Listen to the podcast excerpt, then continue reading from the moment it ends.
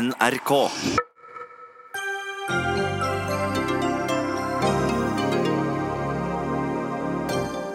Med forsvarsminister James Mattis på vei ut av Trumps regjering, forsvinner også mannen mange av presidentens kritikere satte sin lit til. Blir det nå store endringer i politikken? Regjeringen vil DNA-teste personer som søker om familiegjenforening for å unngå juks. Er ikke det greit, da, spør Dagsnytt 18. Slutt på å kjøpe en bolig som den er. Nå skal selger sitte med mer ansvar for tilstanden enn før. Og Norges 10% rikeste eier halvparten av formuen her i landet. Er det et uttrykk for at vi har det bra, eller er det skjevfordeling?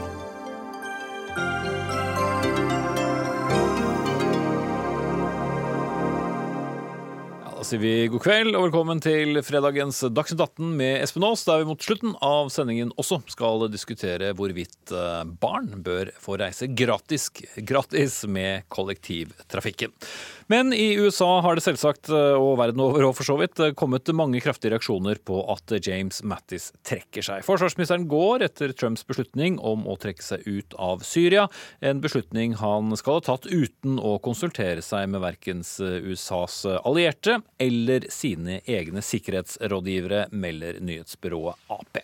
I oppsigelsesbrevet tok Mattis sterk avstand fra president Donald Trumps utenrikspolitikk og kritiserte ham for ikke å vise respekt for allierte og for ikke å stå opp mot autoritære land som Kina og Russland. Og Washington-korrespondent Washington Anders Magnus, dette var jo harde ord fra minister eh, på vei eh, ut. Eh, Var det begeret som hadde flytt over? Ja, det var det. Og det har vært mange konflikter i, mellom forsvarsminister Madis og Trump. Dette er bare eh, den siste, og kanskje aller mest alvorlige også, hvor eh, Madis ikke eh, var enig i den beslutningen om at man skal trekke seg ut av Syria nå. Og dessuten disse planene som Trump har om å halvere den amerikanske styrken i Afghanistan. Den er også Madis veldig imot.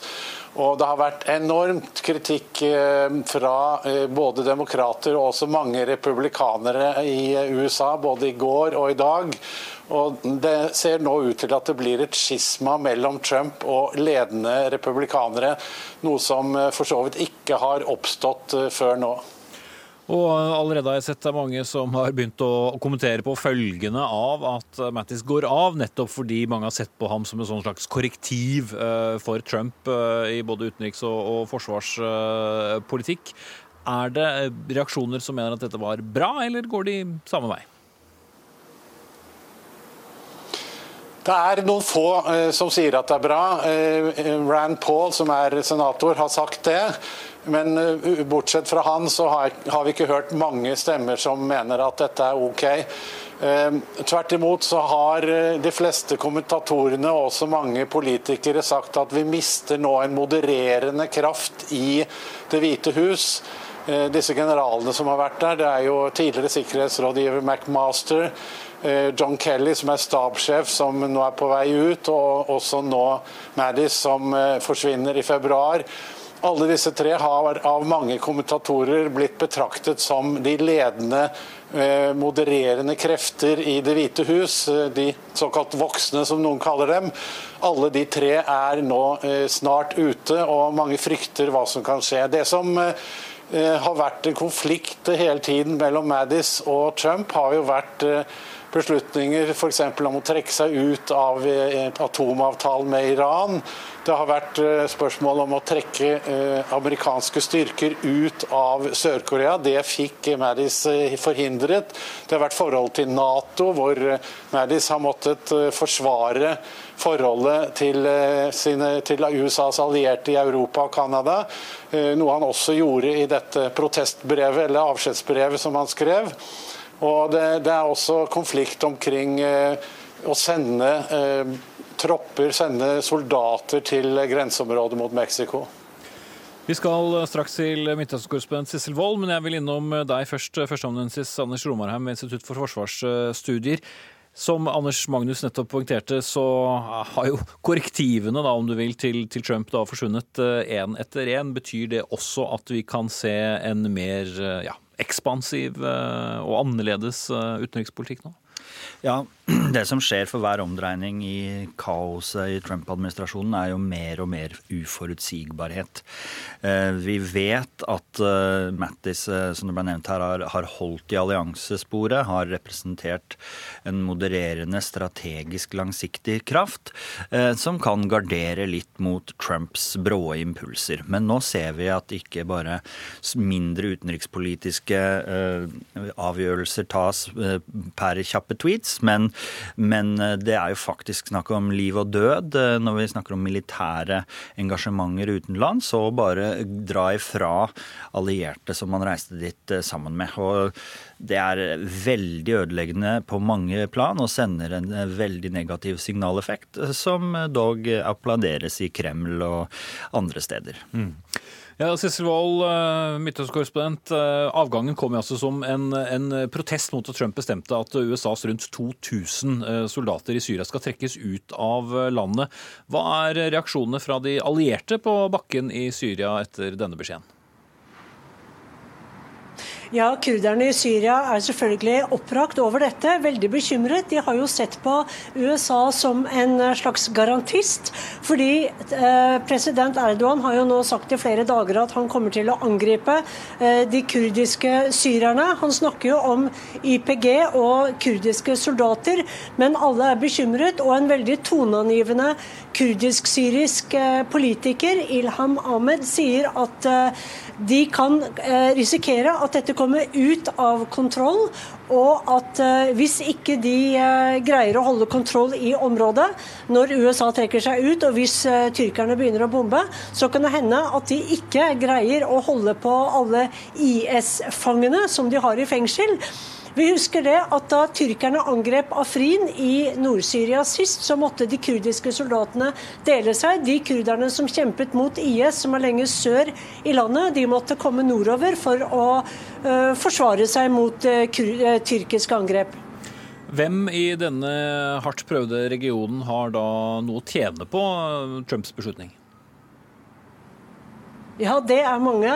Det er selvfølgelig president Erdogan, det er iranerne, det er president Bashar al-Assad, og det er russerne. Ja, Anders Magnus, eh, Trump slo jo fast i går at eh, krigen var nå vunnet eh, mot IS. Hva slags politiske gevinster kan han hente på, på hjemmebane med å mm, nå trekke flere av sine soldater hjem?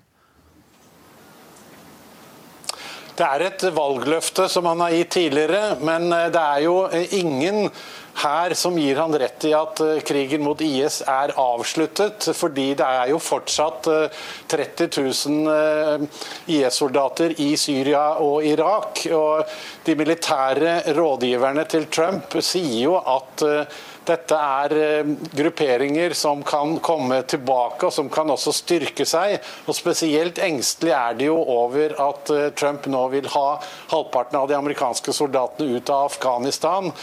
Senator Lindsey Graham, som vanligvis er en av Trumps sterkeste støttespillere, han har nettopp vært i Afghanistan, og han sier det at hvis eh, amerikanerne trekker ut halvparten av sine soldater her, så legges grunnlaget for et nytt 9-11, altså terrorangrepene mot eh, de to tårnene i New York i 2001. Så det er veldig kraftig kritikk som kommer fra Trumps aller nærmeste mot disse militære avgjørelsene.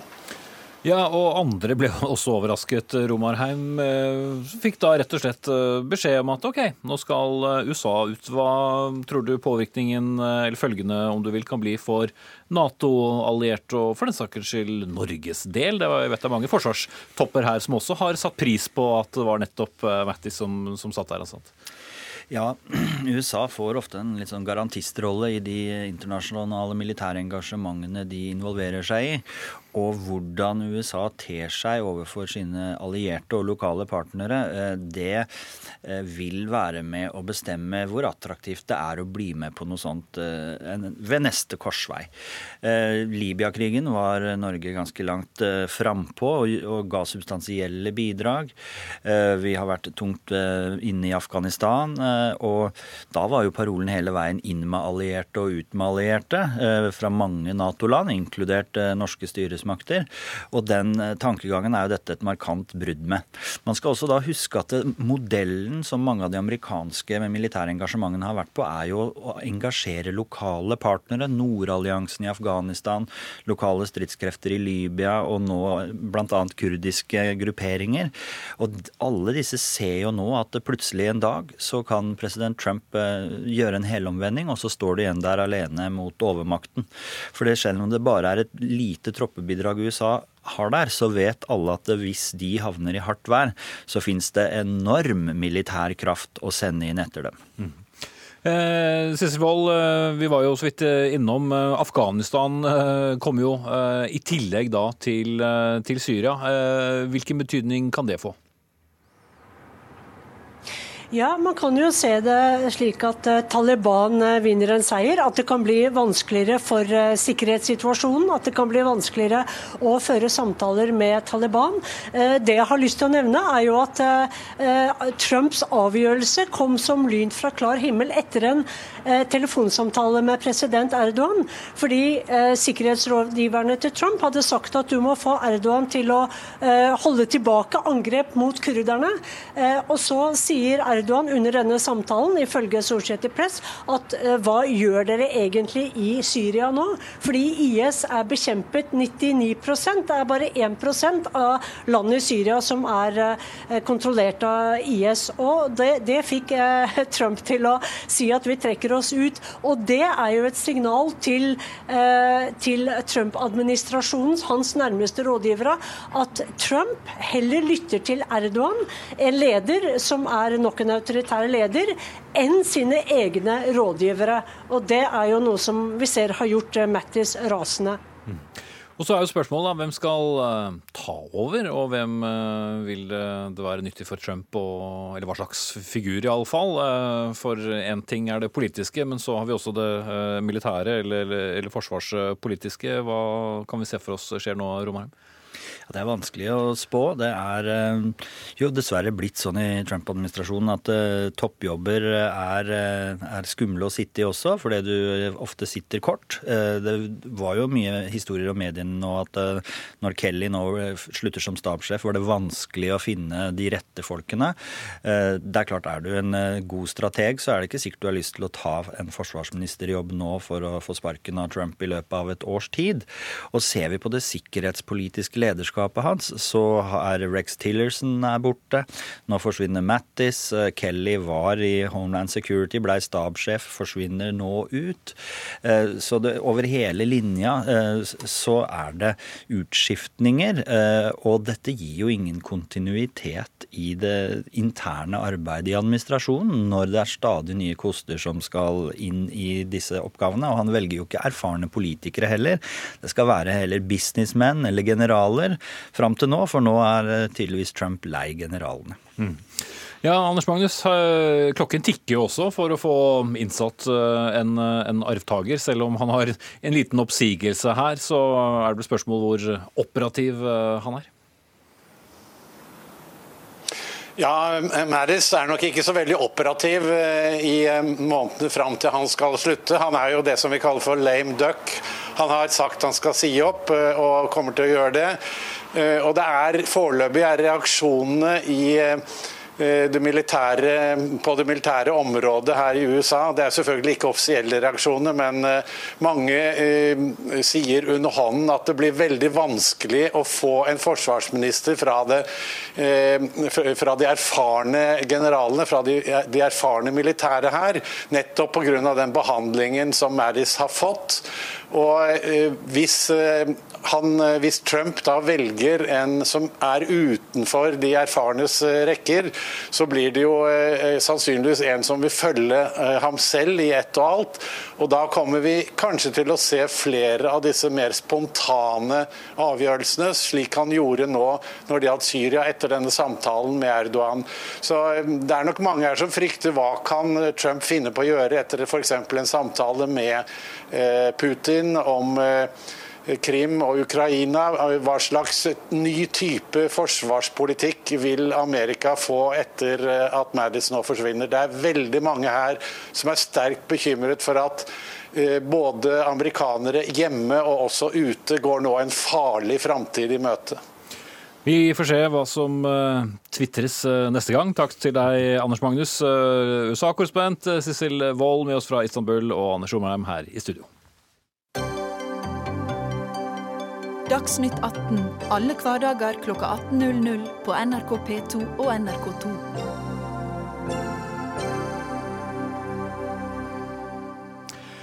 Regjeringen vil eh, endre utlendingsloven, slik at norske myndigheter kan pålegge de som søker om familiegjenforening i Norge å ta en DNA-test for å bevise at man faktisk er i slekt. De som nekter å la seg teste, skal få blankt nei på søknaden sin, kunne vi lese på TV 2s nettsider i dag. Jon Helgheim i Fremskrittspartiet, du er medlem også i kommunal- og forvaltningskomiteen.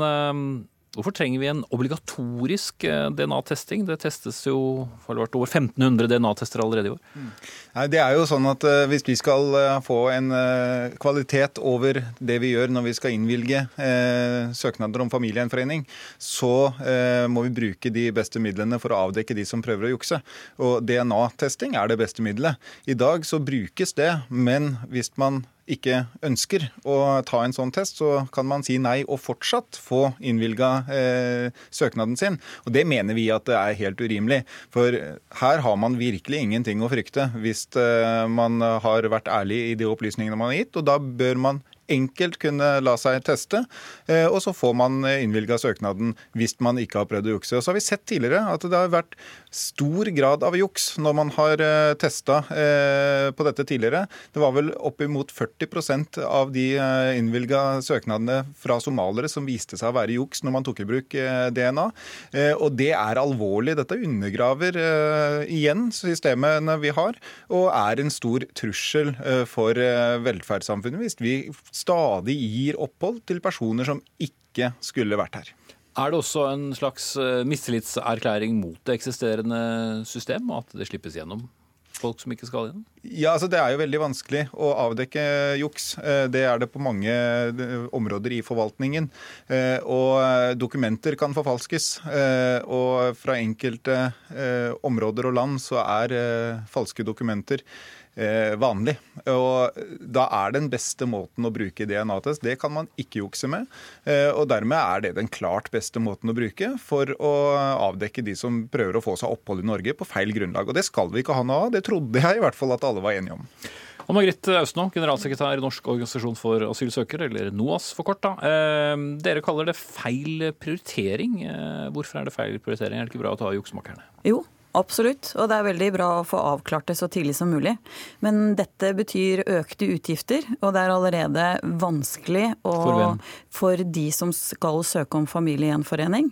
Eh, og Norge har gjort det veldig vanskelig, lagt den lista veldig høyt allerede. Det er bare noen få ambassader det kan søkes fra. Det betyr lange reiseveier og dyre reiseveier. Det er høy, et høyt gebyr. 10 500 den enkelte må betale. Og så så vi har ingenting imot DNA-testen i, i, seg selv, og vi mener at det er riktig. og Folk skal ikke jukse seg til, til, opphold. Men regjeringen har faktisk en integreringsdugnad på gang. Og noe av det viktigste for at folk integrerer seg, det er at de har trygghet for egen familie. Og når de samtidig gjør det så vanskelig som mulig, praktisk og økonomisk, og faktisk få til familieintegrering, så mener vi at det å flagge med brask og bram nå at nå tar vi et stort sveip for å ta jukserne, når det faktisk faktisk bare er å stadfeste i stor grad det som er praksis allerede, så er det feil prioritering. Men hvis det samtidig sørger for at det da kun er folk som er i familie, som kommer hit og gjør da veien kortere for eh, de som jukser før de blir eh, avvist Problemet er at de som er i familie, har ikke råd til å søke om familiegjenforening sånn som det er i dag. Eh, så da spiller ikke det noen rolle når de aldri kommer fram. Og vi vet at eh, familiegjenforeningssøknader har det i løpet av 2018 kommet langt færre av eh, enn det man hadde beregnet. Samtidig som det kommer en større andel kvinner og barn som kommer farlige fluktveier fordi at de ikke får til å søke om familiegjenforening. Så dette er litt sånn Her, her snakker man litt med to tunger. Man ønsker at folk skal kunne reise tryggere. Samtidig så gjør man det vanskelig å komme en av de få trygge veiene å komme, nemlig gjennom familiegjenforening. Ja, gjør dere den døren eh, trangere, Helgheim, og heller eh, gjør det dere i hvert fall ikke vil at folk skal gjøre? Legge ut på, på egen hånd og, og komme og søke asyl? Nei, det gjør vi ikke, og det mener jeg det ikke er noe grunnlag for å hevde. Det som jeg syns er rart, er at eh, NOAH sier jo gang på gang at de er enig i at det skal ikke lønne seg å jukse. Man skal ta juksemakerne, man skal beskytte asylinstituttet og det som medfølger der.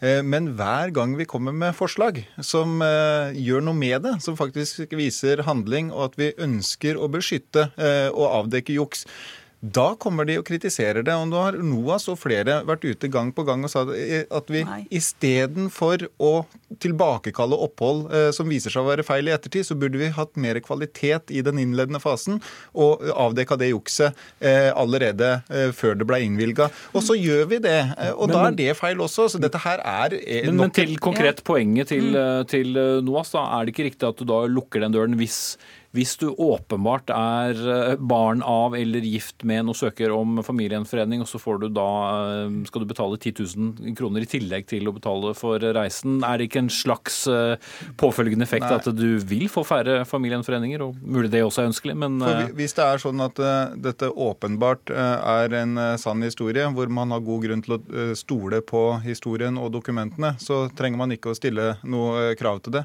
Det er ikke Så sånn trenger at man ikke å ta det, Nei, man trenger ikke å stille krav om dette i alle saker. eh, Der det åpenbart ikke er noen grunn Men nå sier dere jo at det skal være obligatorisk. det, så, det som eh, gjøres, er eh, I dag så kan man si å tilby en DNA-test for å få avklart om det er juks eller ikke. Da kan vedkommende si nei, og fortsatt så må man da gjøre, være opp til skjønn om man tror på det eller ikke. så det er bare når er- myndighetene mener det er et tvilstilfelle at man skal si det er obligatorisk, så Absolutt. Det, okay. det, det står ikke at man skal gjøre det i alle tilfeller, men man skal kunne eh, stille krav om det. Så det er ikke så strengere, altså? Altså, det er jo ingen som ønsker å bruke ekstra ressurser og tid og penger hvis det eh, er eh, situasjoner hvor det åpenbart eh, ikke er juks. Og Det tror jeg alle forstår, men det er veldig viktig å kunne Hvor går den skillelinjen? Det er opp til UDI å ta de avgjørelsene der, og dette kommer til å gå og skille en del på landområdet. Vi vet at noen land og noen områder så er det stor grad av juks. Så har dokumentene lav troverdighet. Andre områder så har det høy troverdighet på dokumentene og liten grad av juks. Og Der kommer skillene, skillelinjen til å gå eh, geografisk i stor grad. Så det, det eh, Helgheim nå beskriver, er dagens praksis. Så det i Jeløya-plattformen. Eh, I Jeløya-plattformen så sier regjeringen to ting. Det sier at man skal bruke DNA i alle saker for å avklare slektskap i forbindelse med familiegjenforening. Så sier dere også at dere skal redusere gebyr ved familiegjenforening for personer med flyktningstatus. Men dere gjør bare det ene. Og jeg tenker at dette er viktig at KrF får med seg nå før forhandlinger. For hvis det er bare sånn at det står i en plattform, men man velger bare å følge opp den ene delen, bare innstrammingsdelen, selv om det i realiteten bare er å, å stadfeste praksis, men man sender et slags signal om at nå blir det strengere, eh, men man følger ikke opp på den andre siden, så er jo det Da vil jo en regjeringsavtale med, med Erna Solberg være veldig lite verdt for et familieparti som KrF. Nei, det er, jo rett og slett ikke riktig. Eh, Nå har det gått eh, en eh, periode siden Jeløya ble signert, og man tar opp den saken her. Man har gjort andre endringer. Man har flere unntakstilfeller hvor man har unntak fra forsørgeransvar og sånne ting for flyktninger. Så Den ene forskjellen her, det er at man skal kunne stille krav om det. Eh, og dersom man nekter å ta det, så kan vi faktisk ikke ta en DNA-test eh, med tvang, men da kommer det til å bli et klart beskjed om at da vil du nok ikke få innvilga søknaden din. Det er endringen, for det er jo de som, som har problemer med å avgi en sånn test, Nå, som ikke ønsker det. Det er jo, da? det er jo Det er der problemet ligger. praksis. Altså Praksisen er i dag, det står i utlendingsloven i dag, at hvis du nekter, så vil det kunne innebære avslag. Så i realiteten så er det ingen som nekter. Så dette er praksis i dag som blir beskrevet. Dette er å, skjer- er å skjerpe inn og målrette det enda mer mot de som faktisk kan komme seg unna med juks i dag. Det er ingen stor endring. Og for de som ikke har noe å frykte, og som ikke har juksa, eh, så kommer det ikke til å bli noe endring. Og Nei, dette og- her, jeg, jeg kan ikke skjønne noe annet enn at dette igjen koker ned til at NOAS motarbeider Nei, alle nei, nei, forslag, så lenge det kan bety at noen som ikke har noe her å gjøre, heller ikke kommer hit. Vi er, vi er enige, vi bare etterlyser hvorfor gjør dere ikke det andre? Hvorfor gjør dere bare én ting? Er det sånn at Venstre må inn i Justisdepartementet for at eh, regjeringen skal gjennomføre den andre delen av forpliktelsen i Jeløya-plattformen? Er det sånn at Frp i Justisdepartementet bare gjennomfører det som er Frp-politikk? Det, er- det er det som er signalet nå. Regjeringen jobber hele tiden med å gjennomføre hele plattformen. Hvorfor Eh, men- kommer ikke men- det andre da? Det er faktisk ikke noe argument eh, å komme med. At eh, siden man ikke har kommet i mål med alle punktene i Jeløya-plattformen på ett år, så skal man ikke ta tak i noen. Dette er ikke noe argument. Dette her Jo, man- er bare at dere er negative til Nei, alle våre man- tiltak for å avdekke juks. Hvis man vil sørge for at familier kommer sammen, og at riktige personer kommer sammen, og at familier forenes. For heller ikke Fremskrittspartiet er for oss at familier skal holde separat ved tvang. Eh, Det kan jeg ikke tenke meg at dere er. Så, så betyr gebyrene veldig mye. Reisekostnadene betyr veldig mye. Det er kuttet ned på søknadsfristen, betyr veldig mye. Det er mange færre ambassader å levere søknader inn til. Alt dette betyr at men terskelen okay. er veldig høy.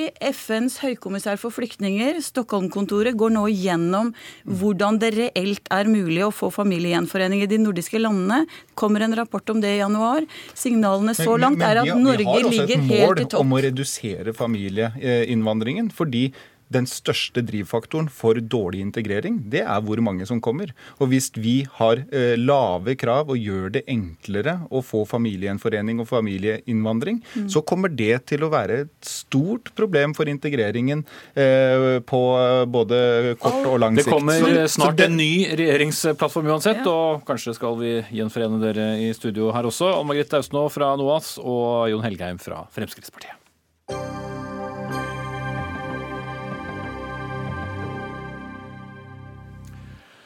Du har øh, kanskje lest det i salgsannonsene eller kjent litt eh, på det selv når du har eh, solgt eh, bolig. Boligen selges som den er. Men nå skal det bli slutt på skjulte og eventuelt dyre overraskelser for boligkjøpere hvis regjeringen får det som den vil. En lovendring er på trappene der selger selv må sørge for å vite så nøyaktig som mulig hva som er dårlig og hva som feiler boligen.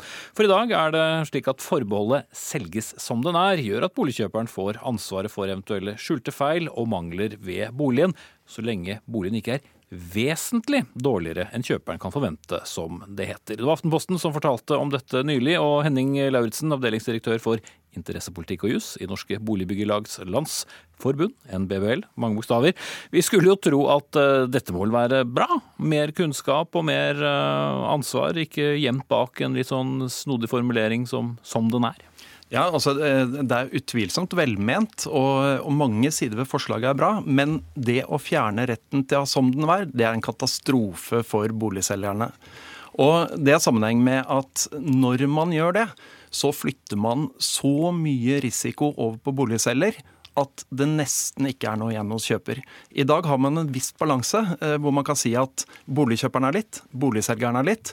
Nå vil boligselgeren sitte med 95 Og Men det- når du går og handler i butikken, tenker du ikke at eh, selger stort sett har ansvaret for å selge deg et best mulig produkt, og at ikke du som kjøper bør ha noe ansvar for det? Jo, det er et veldig godt poeng, men når det er snakk om bolig og disse som den er-salgene, så, så dreier det seg om skjulte feil og mangler. Altså ting selger ikke aner noe om, og som kjøper heller ikke aner om, men oppdager etterpå.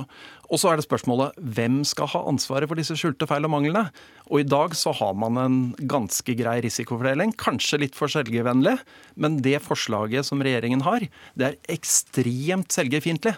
Og det vi ikke må glemme, det er at selger er akkurat like mye forbruker som kjøper. Altså Selger er en 80 år gammel dame som skal selge boligen sin. Nå kommer hun ordentlig i heisen med dette forslaget. I stedet for at den som kjøper, kommer i heisen. Istedenfor at de deler risikoen. Martin Andreas Meyer, generalsekretær i Huseiernes Landsforbund. Du mener dette er et etterlengtet uh, forslag. Uh, ser du ikke problematikken uh, som din sidemann skisserer her? Nei, det gjør jeg absolutt ikke. Dette er et eh, godt balansert forslag som nettopp tar hensyn til forbrukerne på begge sider i en boligomsetning. Vi må huske på en ting. Dette er et område som er i dag regulert på en måte som gjør at det blir store konflikter, og det blir mange konflikter. Dette er, viktigste, dette er det viktigste kjøpet folk gjør. Vi kjøper hjemmet vårt, vi bruker millioner av kroner på det. Det skulle bare mangle om vi ikke regulerer det på en måte som gjør at vi får vite mest mulig om den boligen og den eiendommen som skal selges. Og det er selgeren som har de beste forutsetningene for å fremskaffe den dokumentasjonen. Jeg må dra en parallell, for Du sa sånn når du går i butikken. Myndighetene har altså forlangt at Freia skal fortelle nøyaktig hvordan en melkesjokolade er fremstilt og hva den inneholder. En melkesjokolade til 20 kroner. Kjøper du en bolig til 5 millioner kroner, så har ikke myndighetene til nå stilt et eneste krav om hva selgeren skal fortelle om den uh, boligen til kjøperen. Det er jo vesentlige feil og mangler, da. Ja, jo, men det betyr uh, dette har rettsapparatet satt en grense for. Kjøper du en bolig til 5 millioner kroner, så er den vesentlighetsgrensen på rundt 250 000 kroner. Eh, som den er, er jo i utgangspunktet du får det du ser. Boligeieren har bodd der i ti år og vet mye om boligen. Boligkjøperen er innom en, halvtime, får glanset papir fra eiendomsmegleren og får veldig begrenset tid til å tilegne seg den kunnskapen. Det regjeringen foreslår nå, det er å pålegge, eller det er å motivere selgeren til å legge frem grundig dokumentasjon og informasjon om boligens tilstand. Det vil gjøre kjøperen mer opplyst, og det vil bidra til at konfliktene blir færre. Og det er feil når Henning Lauritzen sier at du skyver masse ansvar over på selgeren. Selgeren får ansvaret for å beskrive tilstanden til boligen. Kjøperen får krav på seg til å sette seg inn i den informasjonen, og får ingen klagerett på de tingene som selgeren faktisk har opplyst. Det er konfliktdempende. Ok, men La oss prøve å være litt uh, konkrete. fordi Vi vet jo alt som kan være feil med en bolig. Det kan være råte, det kan være støyende naboer, det kan være trekk. altså Det kan være alt mulig.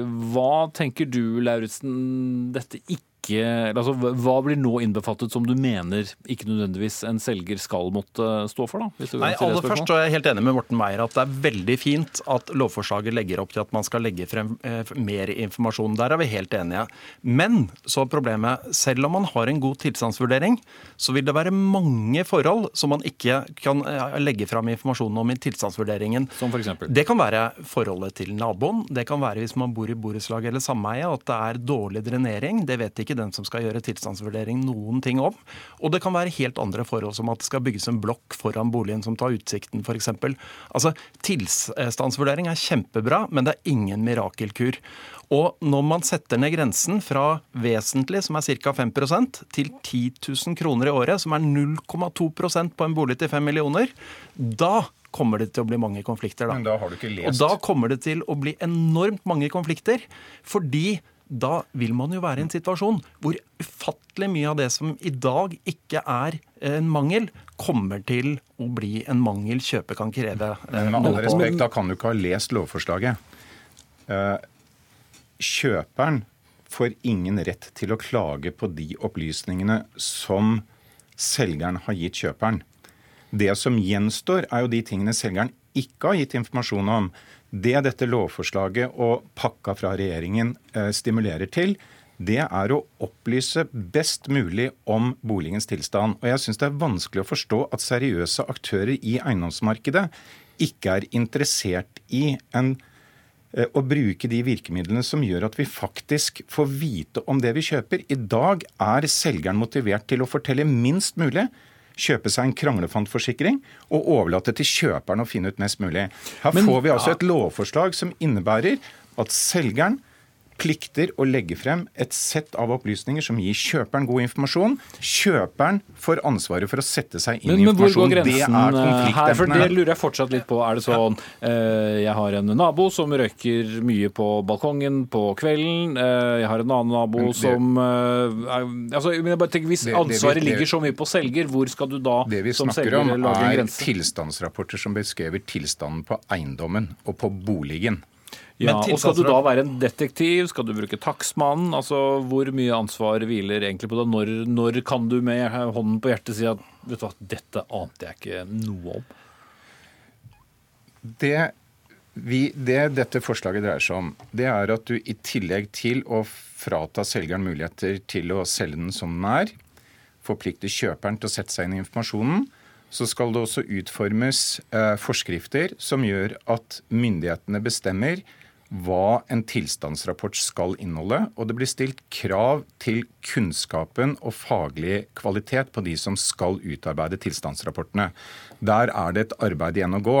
Men vi skal Ja, altså for Ansvaret ligger jo da mer på selger enn tils, eh, eller den som utfører en tilstandsrapport, da, en takstmann? eller? Jo, men hvis du har en, eh, en godkjent fagmann som utfører tilstandsrapporten eh, innenfor rammene av det kravet det, det offentlige har stilt, så er det klart at selgerne har full muligheter til å gå på den fagmannen som ikke har gjort jobben sin, hvis han har en ufullstendig tilstandsrapport. Så jeg mener at Henning Ja, her er det Lauritzen en og NBB, misforståelse. jeg mener at Henning Lauritzen og NBB overdriver veldig den ansvars, manglende ansvarsfordelingen som de peker på. Dette er et godt balansert forslag som tar hensyn til de viktigste aktørene, Ja. forbrukerne Nei, vi- vi- i bolighandelen. Vi har én million medlemmer. De er både boligselgere og kjøpere. Vi er opptatt av balanserte regler. Det vi reagerer på her, er at disse reglene er helt ubalanserte. Og vi tror det kommer til å komme flere tvister. Det er kjempebra med tilstandsvurderinger. Men hvis det, står, hvis det er utarbeidet De dekker må ikke alt. Men så er det som Morten Andreas Meyer her sier, da, hvis det er noe galt med tilstandsvurderingen, så kan man gå på den som har utformet den. Nei, det kan man sjelden gjøre. fordi hvis vedkommende har glemt en mangel til 700 000 kroner, og man finner ut det i ettertid, så har man jo ikke tapt noe penger. For å kreve erstatning må man ha tapt penger. Så det dette forslaget mangler, det er en mulighet til å kunne henge de som har laget tilstandsvurderingen hvis de gjør en feil. For det kan man nesten aldri i dag. Meg. Jeg syns det er modig av regjeringen å kappe en gordisk knute. I 25 år har vi jobbet for å gjøre bolighandelen tryggere og ivareta boligkjøpernes og boligselgernes interesse bedre. Nå gjør man noe, og Henning Lauritzen og NBBL peker overhodet ikke på de alternative løsningene. Alle er enige om at dagens eh, regime ikke er bra. Det er for mange konflikter. Konfliktene blir for store. Det blir utrygt for både boligselger og boligkjøper. Nå får vi et konkret forslag som balanserer som inneholder de elementene som gjør at vi får vite mer om eiendommen som skal omsettes. Det skaper trygghet. Kunnskap, innsikt om boligens tilstand er det viktigste elementet for å redusere konfliktnivået i norsk bolighandel. Det er bra. Ja. Jeg klarer ikke å øh, slippe fristelsen om å si at her har fått et lovforslag som det er, og så får dere ta det derfra. Morten Andreas Meier, generalsekretær i Huseiernes Landsbund, og Henning Lauritzen, avdelingsdirektør for interessepolitikk og jus i NBBL. Takk. Hør Dagsnytt 18 når du vil. Radio NRK NO.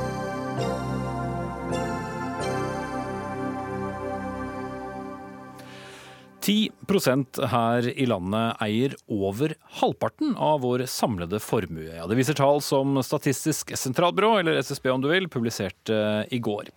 Og de eh, 10 har en gjennomsnittlig formue på 14,4 millioner kroner. I motsatt ende av statistikken finner vi de som er i minus. De har en million i gjeld i i snitt.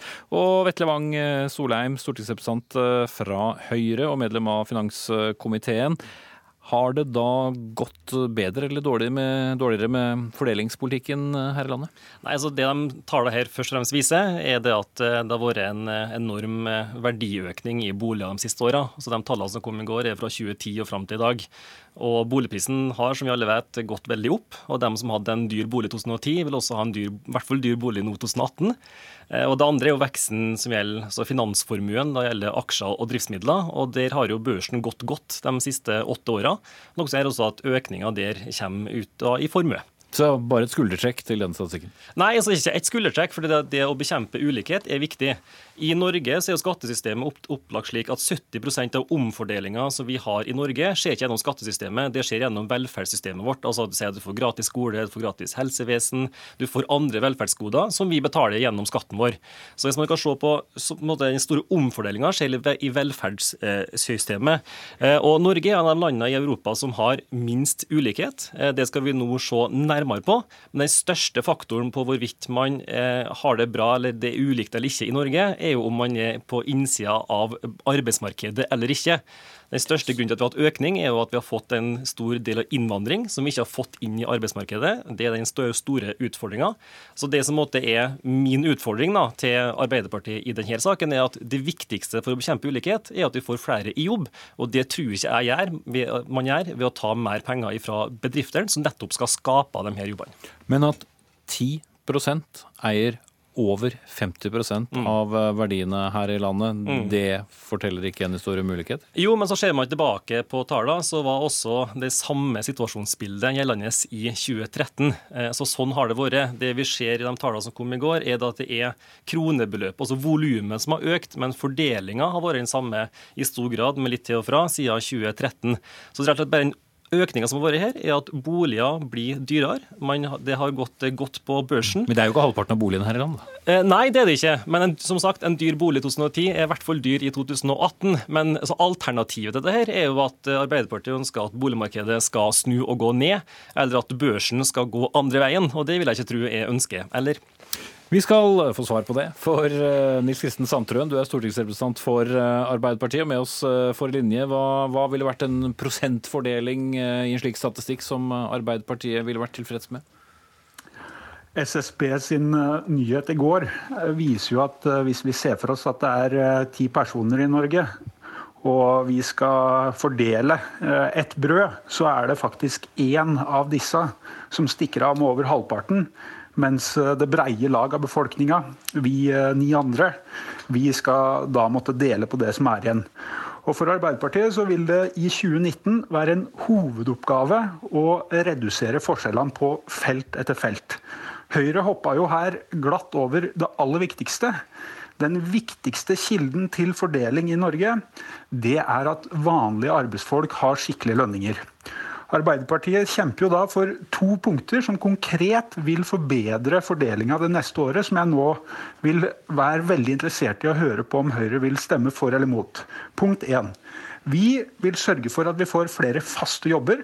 Derfor så har vi gått i bresjen for å kutte ut gammeldags, kortsiktig innleie av arbeidskraft for å sørge for at folk får den tryggheten i ei fast inntekt.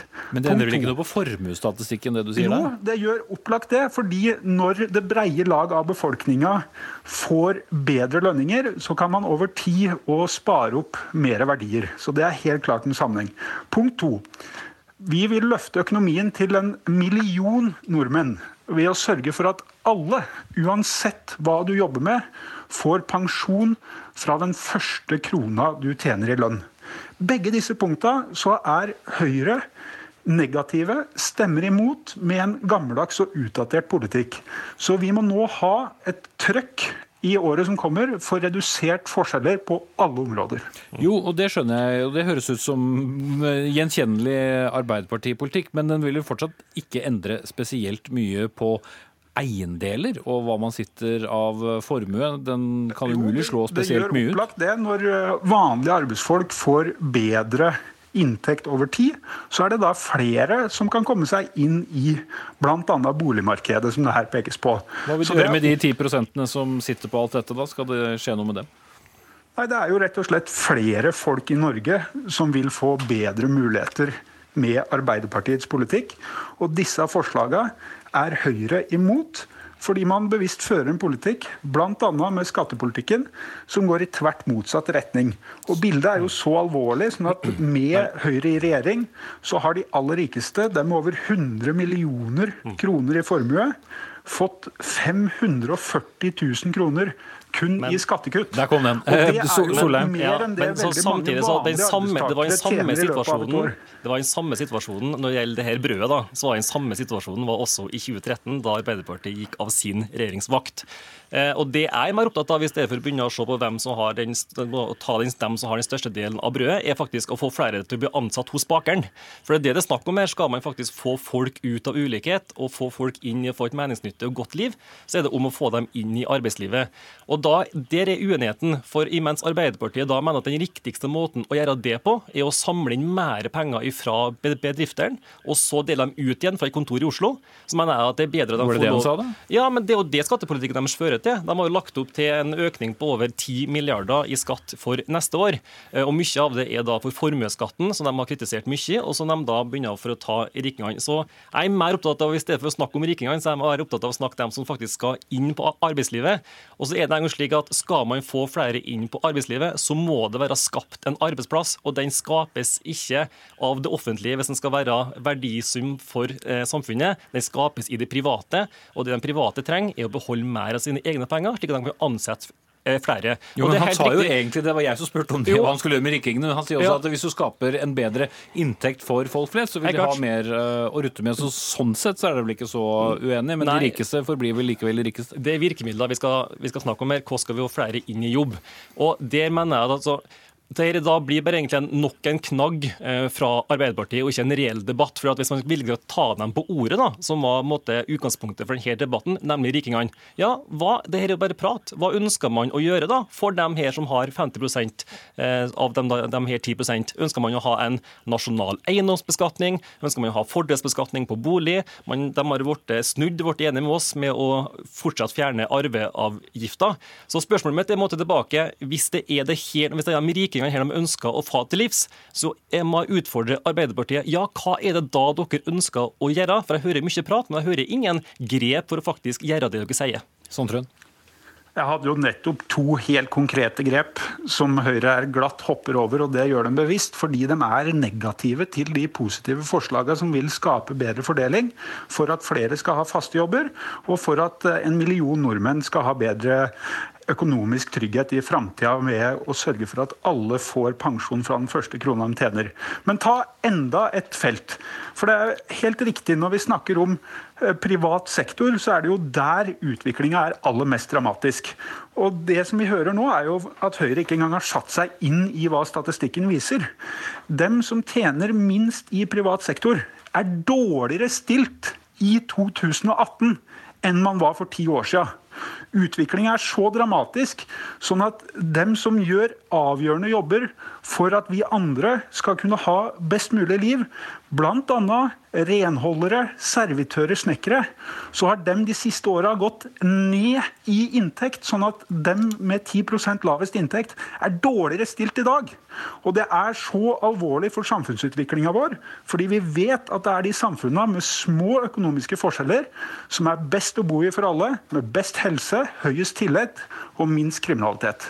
Kort til slutt, Solheim. Ja, Norge er en av landene i Europa med minst ulikhet. Så Hovedforskjellen her går med at Arbeiderpartiet ønsker å komme til livs ved å øke formuesskatten. Men det gjør jo ingenting med boligverdien eller aksjeverdien. Det gjør jo ingenting med at boligmarkedet er sånn at boligprisen øker, og at børsen er sånn at verdien på aksjene blir høyere. Eh, Og jeg for min del syns det er bra at folk bruker mer penger på aksjer og investerer i næringslivet framfor å spare så mye som man, som man gjør. Så dette er bare nok en gang Arbeiderpartiet kommer inn med en debatt uten å faktisk stå bak det de faktisk sier. Så utfordringa står fortsatt like u u u ubesvart. De ønsker å øke formuesskatten, men det gjør jo ingenting med boligprisen. Så er i hvert fall fordelingen slik i Dagsnytt 18 at de som bestemmer, er oftere de som kommer til orde, enn de som blir bestemt eh, over. Og med det så sier jeg takk til Vetle Wang Solheim, medlem av finanskomiteen for Høyre, og Nils Kristen Sandtrøen, medlem av næringskomiteen for Arbeiderpartiet.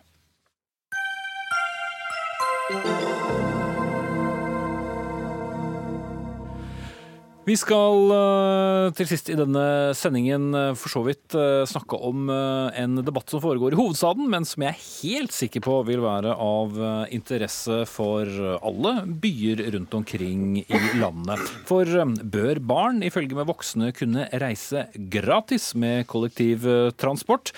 Ja. Her i hovedstaden sa både Høyres Erling La Ikke Erling, Einar. eh, Faktisk, men det går veldig bra. ja. Gammel Erik La.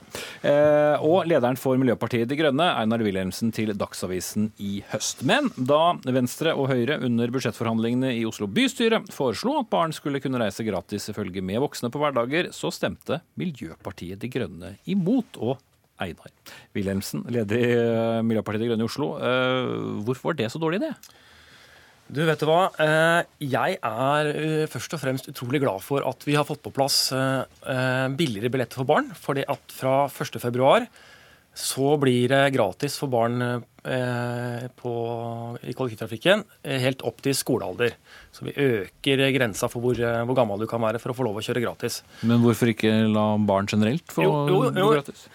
Det kommer jeg til. Og vi øker også prisen, altså rabatten, barnerabatten. Sånn at nå kan du kjøpe barnebillett helt opp til når du er 18 år gammel. Før var det 16, så, og da får du halv pris. Så er det sånn at vi eh, er, vil også gjerne ha enda billigere billetter for barn. Eh, og vi har fått med oss flertallet i bystyret på å be byrådet om å utrede hvordan vi skal kunne få det til, men da se på hele prisinga av kollektivsystemet i Men Oslo. Men billigere, ikke gratis, eller? Det må vi se litt på, fordi at eh, det som er saken, er at Oslo eier ikke kollektivselskapet alene. Vi eier det sammen med Akershus. Eh, og det er sånn at vi må sette billettprisene eh, i fellesskap. Så, Så dere som styrer hovedstaden, er faktisk avhengig av politikerne i nabofylket før dere kan bestemme Vi er avhengig av politikerne i nabofylket. Jeg er kjempeglad for at Høyre nå ønsker seg lavere billettpriser. Forrige runde i forhandlingene så tvang Høyre i Oslo sammen med Høyre i Akershus gjennom en kraftig billettprisøkning. Jo, jo, men nå har du foreslått noe annet, da. Men OK. Eirik La eh, Solberg. Eh, er det riktig som han sier, at eh, dine partifeller da f.eks. i Akershus må også være enig i disse billettsenkningene? Og du, hadde du snakket med de på forhånd? Jeg har snakket med både Høyre og Venstre i Akershus før vi fremmet forslaget vårt. Og jeg opplever at de er positive til forslaget. Så hvis Oslo bystyre hadde vedtatt dette, så hadde de vært positive til å vurdere dette også i Akershus. Men så er det jo sånn at det er jo noe vi faktisk kan bestemme selv i Oslo også. For sone 1 i kollektivtrafikken, den er i Oslo. Det er jo feil. Vi, nei, det er riktig. Den er jo også inn i Bærum. Ja, det er Fornebu og det er Lørenskog stasjon. Men alt i alt så er det i Oslo. Og hvis vi i Oslo er villige til å bruke penger på å sørge for at det blir gratis for barn å reise kollektivt sammen med foreldrene sine i ukedagene, i, eh, også, også i ukedagene, så så er de veldig positive til det. Jeg snakket med dem senest i dag, og de har også vært positive gjennom hele høst. Så det, det, som egentlig skuffer meg veldig her, er at nå sto Høyre og Miljøpartiet sammen. Vi er helt enige at det er bra at uh, vi utvider sånn at 16-åringer og 17-åringer også får barne, barnebillett, men vi sto sammen om å utvide den ordningen vi allerede har i helgene, som gjør at fire barn kan reises gratis sammen med en voksen i kollektivtrafikken. Den innførte vi for noen år siden, men vi ser at det er et poeng å utvide den også til resten av uka. Uh, og det sto vi sammen om. Uh, men det, plutselig så MDG funnet ut at nei, nå skal de heller utrede det. Og Grunnen til at det er fornuftig å gjøre dette, det er jo to grunner til det. Det ene er jo at mange barn og familier i Oslo har uh, dårlig råd. Og det vil gjøre det lettere for dem å delta på fritidsaktiviteter, istedenfor kanskje å bruke 100 kroner på å reise sammen med tre barn tur og tur. Det betyr mye for mange barnefamiliers økonomi. Og så er det jo også bra for miljøet. fordi hvis, folk, hvis det blir billigere å reise kollektivt, så er det lettere å la bilen stå.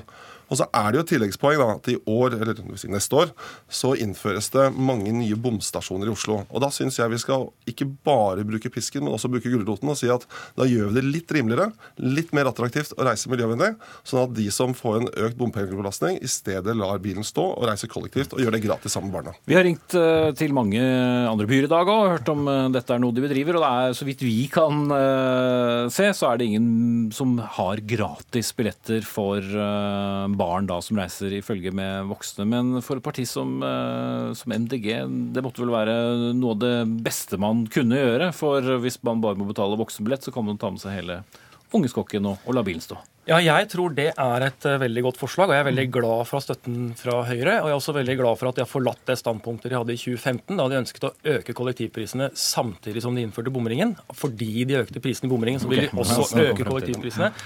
Men jeg tror fortsatt at det kan være klokt å utrede dette forslaget litt til.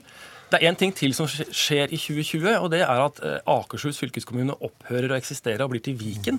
Det er litt uavklart hvordan det blir. Eh, derfor så tror jeg det er lurt at vi tar en skikkelig gjennomgang av hele prissystemet. Eh, og, og gjør det sammen. Og så krasjinnføre en del tiltak for å vise Og så er det enda en grunn til, til at det kan være lurt å tenke seg litt om. Og det er at å, å, gi gratis billett til alle barn som er i følge med voksne, koster ca. 46 millioner. Men så er det sånn at i realiteten så vil jo alltid være voksne på, på T-banen eller bussen. Så hvis det sklir i retning av at alle barn eh, kan reise gratis, også uten at de er i følge med voksne, så er kostnaden noen hundre millioner. dette forslaget veldig mye vanskeligere enn det behøver å være. Det er jo sånn at Hvis, du, altså, du, hvis, hvis det er noen barn som reiser gratis, og som, eh, så vil jo kontrolløren spørre er, er du sammen med noen voksne her. Dette løser seg på en praktisk måte, akkurat sånn som det løser seg i helgene allerede. For Vi har jo den ordningen. Vi innførte den for noen år siden i helgene, men nå mener vi det er god grunn til å utvide den etter den veldig gode suksessen vi har hatt. Og det er vi som skattebetalere som da skal finansiere dette, eller? Ja, det er det, men altså, huske på at vi også får ganske altså, Wilhelmsen her tenkte, nevnte akkurat at vi skal utvide bomringen. og Det har vi også stått sammen om, fordi det er viktig å bygge ut kollektivtrafikken i Oslo. Det har vært, jeg må si at det er jo veldig mange som får en veldig økt belastning gjennom økte bompenger nå, men vi har akseptert det fordi det er viktig å bygge ut kollektivtrafikken i Oslo-regionen når den regionen har en så stor befolkningsvekst. Men da må vi også forsøke å komme med noen positive tiltak. Og det jeg hører Miljøpartiet her nå, de prøver å si at dette skal utredes. Nå er det ikke lenger snakk om 2019, som tross alt må ha vært opprinnelig, siden dette kom rett etter at budsjettet hadde kommet. Nå er det plutselig er 2020, det og du problematiserer at det, er, at det er Viken skal utredes. Nettopp der, at det kommer et nytt fylkeskommune ved siden av oss. Nettopp derfor er det viktig at vi kommer i gang nå, sånn at Akershus kan ta med seg dette inn når de blir en del av en litt større region. Så jeg syns dere er så tafatte. Altså, Jeg skjønner egentlig ikke hva som skjedde med Miljøpartiet. Eh, Det var opptatt av å få bedre kollektivtrafikk, akkurat som oss. Vi har godt stått sammen om, både den perioden vi styrte, og den perioden dere nå styrer, med å utvide og utvikle kollektivtrafikken i Oslo til å bli den beste i landet. Men så er dere plutselig da imot at barnefamilier skal få en redusert regning. Det syns jeg er Ja, bakstreversk. vi, vi er ikke imot det, men også, også, også i vårt opprinnelige forslag eh, så har jeg hele tiden sagt at dette burde skje i 2020. Hvor- sa Nettopp fordi at, eh, det sa jeg første gang vi var ute i Dagsavisen. Nettopp fordi at eh, Men står det i artikkelen? Eh, Det vet jeg ikke, det sa jeg i hvert fall til journalisten. Burde Eh, og, det, og, det, og det står i den oppfølgeren eh, som kom senere i Dagsavisen. Eh, Presisering der, altså. Så, eh, og Poenget var jo nettopp at vi ønsket at vi kunne diskutere dette sammen med Akershus fylkeskommune, fordi at dette har jo budsjettvirkninger både for Akershus og for oss. Eh, og Da er det viktig at vi får gjort det sammen. Eh, og så må jeg jo si nå at Når jeg nå hører på Høyre, så gleder jeg meg jo skikkelig til de neste forhandlingene med Akershus eh, om eh, hvordan vi skal få ned billettprisene i, eh, i den nye regionen. Det er jo åpenbart at eh, det nå er stor støtte for dette tiltaket. For da vil kanskje noen si at eh, hallo, hvis deler av Akershus eh, skal ha gratis barnebilletter, så må det gjelde alle fylkene i hele den nye store Viken-regionen, ikke bare i det som noen fleiper å kalle Munnviken, altså Oslo. Ja, nå har vi jo Ruter, som er et samarbeid mellom Akershus og Oslo. Så får vi se hvordan det samarbeidet utvikler seg. Men jeg tror det er veldig viktig at vi nå tar et initiativ overfor Akershus, så at ikke det forsvinner i en sånn utredningshengemyr som Miljøpartiet legger opp til, sammen med tre, det som i dag er tre andre fylkeskommuner, som skal bli én fylkeskommune. Og Høyre fremmet dette forslaget også i fjor. Da hadde vi et lignende forslag. Vi sa at det ikke skulle omfatte rushtida, men fordi vi hadde rett og slett ikke fått tall som forsvarte å uttale for hele uka. Eh, Så Miljøpartiet var veldig godt kjent med forslaget vårt. Jeg hadde til og med stilt spørsmål til hans egen byråd Lan Marie Berg om hvor mye det ville koste å lage en sånn ordning som den vi til slutt foreslo.